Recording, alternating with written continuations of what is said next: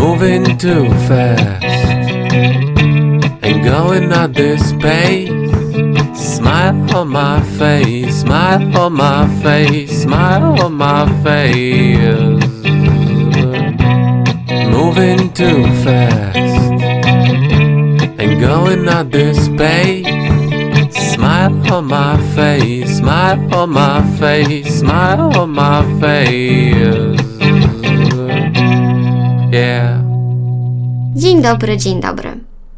U nas znowu jakby zawitała zima. Wciąż jeszcze trudno jest mi uwierzyć w to, że mamy kwiecień, a ja jeszcze chodzę w zimowych ubraniach. Jednak mimo tej mało sprzyjającej aury, dzielnie pokonuję każdego dnia około 10 kilometrów. Ostatnio tak bardzo zmarzłam, że gdy wstąpiłam do naszej małej osiedlowej galerii, chcąc skorzystać z tamtejszej toalety, to przez dobre pięć minut nie byłam w stanie rozpiąć rozporka w spodniach, bo moje palce były tak zmarznięte.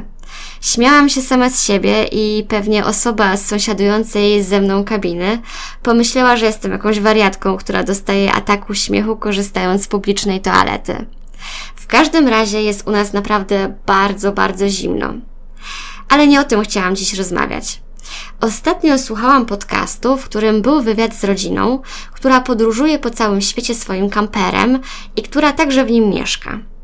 Temat jest mi dosyć dobrze znany, bo jestem świadoma tej mody, która chyba obecnie panuje na tego rodzaju styl życia. Akurat w czasie świąt miałam trochę więcej czasu i któregoś popołudnia rozmyślałam sobie, jak to jest żyć w takim kamperze z małym dzieckiem.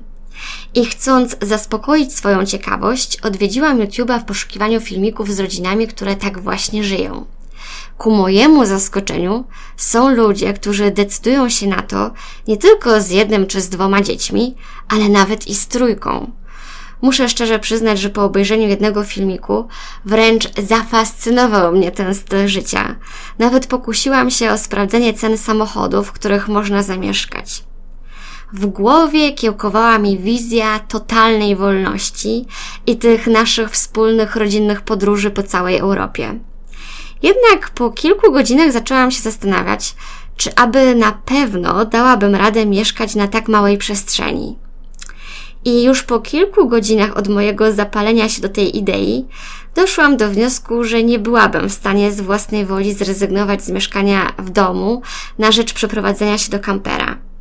Mieszkaliśmy już na bardzo ograniczonej przestrzeni i doskonale wiem, co to znaczy gnieździć się gdzieś. Dlatego zwłaszcza teraz mając dziecko, chciałabym, aby ona miała możliwość posiadania swojego własnego pokoju i stworzenia w nim takiej swojej małej, własnej, bezpiecznej przestrzeni. Gdy tak zgłębiałam temat życia rodzin w kamperach, natknęłam się na filmik o rodzinie, która ma trójkę dzieci i dwoje z nich przyszło na świat w czasie, gdy już mieszkali na tak niewielkiej przestrzeni. Ja naprawdę nie mam pojęcia, jak ta rodzina była w stanie zorganizować sobie życie, tak aby pogodzić potrzeby wszystkich członków rodziny, łącznie z niemowlęciem, które przecież nie ma stałego i regularnego harmonogramu dnia. Już nie wspomnę o tym, że każde z dzieci uczy się w trybie tak zwanego domowego nauczania, które wymaga spokoju i zorganizowania przestrzeni dla dzieci na naukę. Dla mnie to coś totalnie abstrakcyjnego, bo mam tylko jedno dziecko, a jestem w stanie wyobrazić sobie naszą trójkę mieszkającą w kamperze, może przez góra dwa tygodnie, a i tak wiązałoby się to z dużymi ograniczeniami każdego z nas.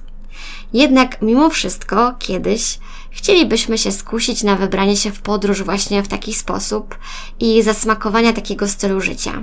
Kto wie, być może na tyle byśmy się rozsmakowali w tej totalnej wolności związanej z możliwością ciągłego przemieszczania się i zmieniania otaczających nas krajobrazów, że zapragnęlibyśmy właśnie takiego życia. Ale na tą obecną chwilę Cenię sobie jednak mieszkanie w domu z podwórkiem. I mimo, że czasami dopadają mnie chwile, gdy czuję, że przebywanie w domu mnie przytłacza i sprawia, że czasami mam poczucie, jakbym była w takim domowym areszcie. I wtedy właśnie pomyślę sobie o tych wszystkich rodzinach, które mieszkają w kamperach I gdy zdarzają się dni, w których jest na przykład całkowite załamanie pogody i przez kilka dni non-stop wieje i pada deszcz i nie mają oni możliwości spędzenia czasu na zewnątrz, to wtedy jakoś tak momentalnie doceniam to, że mogę sobie wyjść do innego pokoju, zamknąć drzwi i wyciszyć się albo wziąć sobie prysznic w łazience, która nie jest jakichś mikroskopijnych rozmiarów. Czasami warto jest zmienić nieco perspektywę patrzenia na pewne rzeczy. Ten okres pandemii bywa dla mnie najtrudniejszy w czasie, gdy na dworze jest zimno, wieje wiatr i pada deszcz. Wtedy siedzenie w domu mnie przytłacza. Mamy za sobą długą zimę i mnóstwo czasu spędzonego w domowym zaciszu.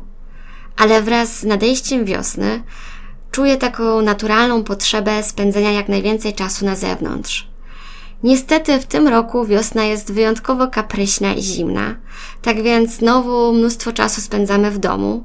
Dlatego właśnie te moje refleksje na temat życia w kamperze pomogły mi mimo wszystko docenić to, co mam. Mam przywilej wyjścia na własne podwórko, przespacerowania się po nim. Mogę ciepło się ubrać i usiąść sobie na ławce przed domem i delektować się byciem na otwartej przestrzeni to właśnie z takim nastawieniem chcę patrzeć na tą obecną sytuację, w której wszyscy musimy się na co dzień zmierzać z różnymi ograniczeniami wynikającymi z czasów, w jakich obecnie żyjemy. W dzisiejszym odcinku to już wszystko. Dziękuję za wysłuchanie i do usłyszenia w kolejnym.